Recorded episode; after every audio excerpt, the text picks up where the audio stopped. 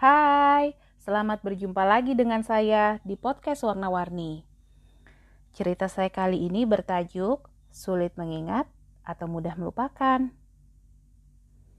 Jadi ceritanya begini, kemarin saya secara tak sengaja terlibat sebuah perbincangan lewat chat WhatsApp bersama seorang kawan.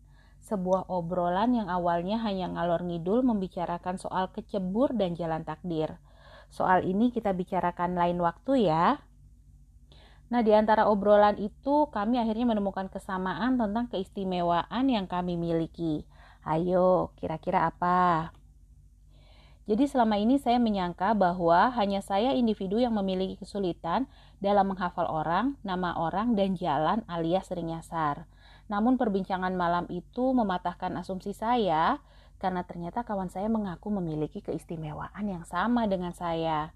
Jadi semakin penasaran kan, sebenarnya ini kenapa sih? Sebenarnya gangguan mengingat arah ini sering disebut direction dyslexia. Tak seperti disleksia yang kesulitan dalam membaca, direction disleksia atau yang sering disebut spasial atau geografis disleksia ini membuat penderitanya mengalami kebingungan dalam membedakan kanan atau kiri serta kesulitan menentukan arah sehingga cenderung lebih mudah tersesat dan hilang. Menurut sebuah situs, penderita gangguan ini kerap kali dihubungkan dengan kemampuan individu tersebut yang kesulitan dalam mengingat urutan dan susah mengingat memori jangka pendek. Makanya sering banget nyariin kunci motor atau HP yang barusan aja ditaruh. Mungkin ada hubungannya juga ya kan? Sementara kesulitan mengingat nama orang sangat erat kaitannya dengan otak. Jadi di otak ada bagian khusus yang bertugas untuk mengenali wajah, disebut dengan fusiform face area.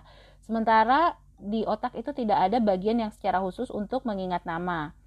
Otak hanya memiliki bagian yang diperuntukkan untuk mengingat kata-kata.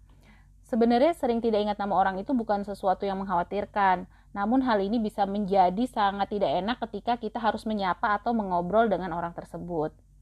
Nah, ini ada beberapa tips yang bisa dicoba untuk kamu-kamu yang juga sering lupa ya. Yang pertama, coba meletakkan barang dengan lebih terapi dan teliti sehingga bisa lebih ingat e, di mana kita terakhir meletakkan benda tersebut.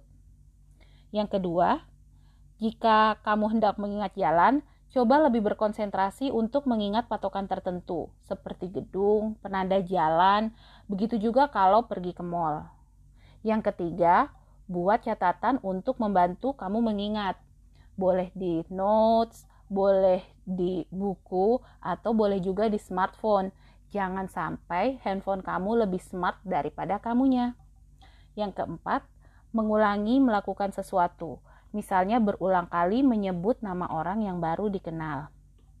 Nah, itu tadi. Semoga podcast kali ini bisa bermanfaat, khususnya buat kamu yang juga lupaan kayak aku. Oke, sampai ketemu lagi di podcast berikutnya. Salam.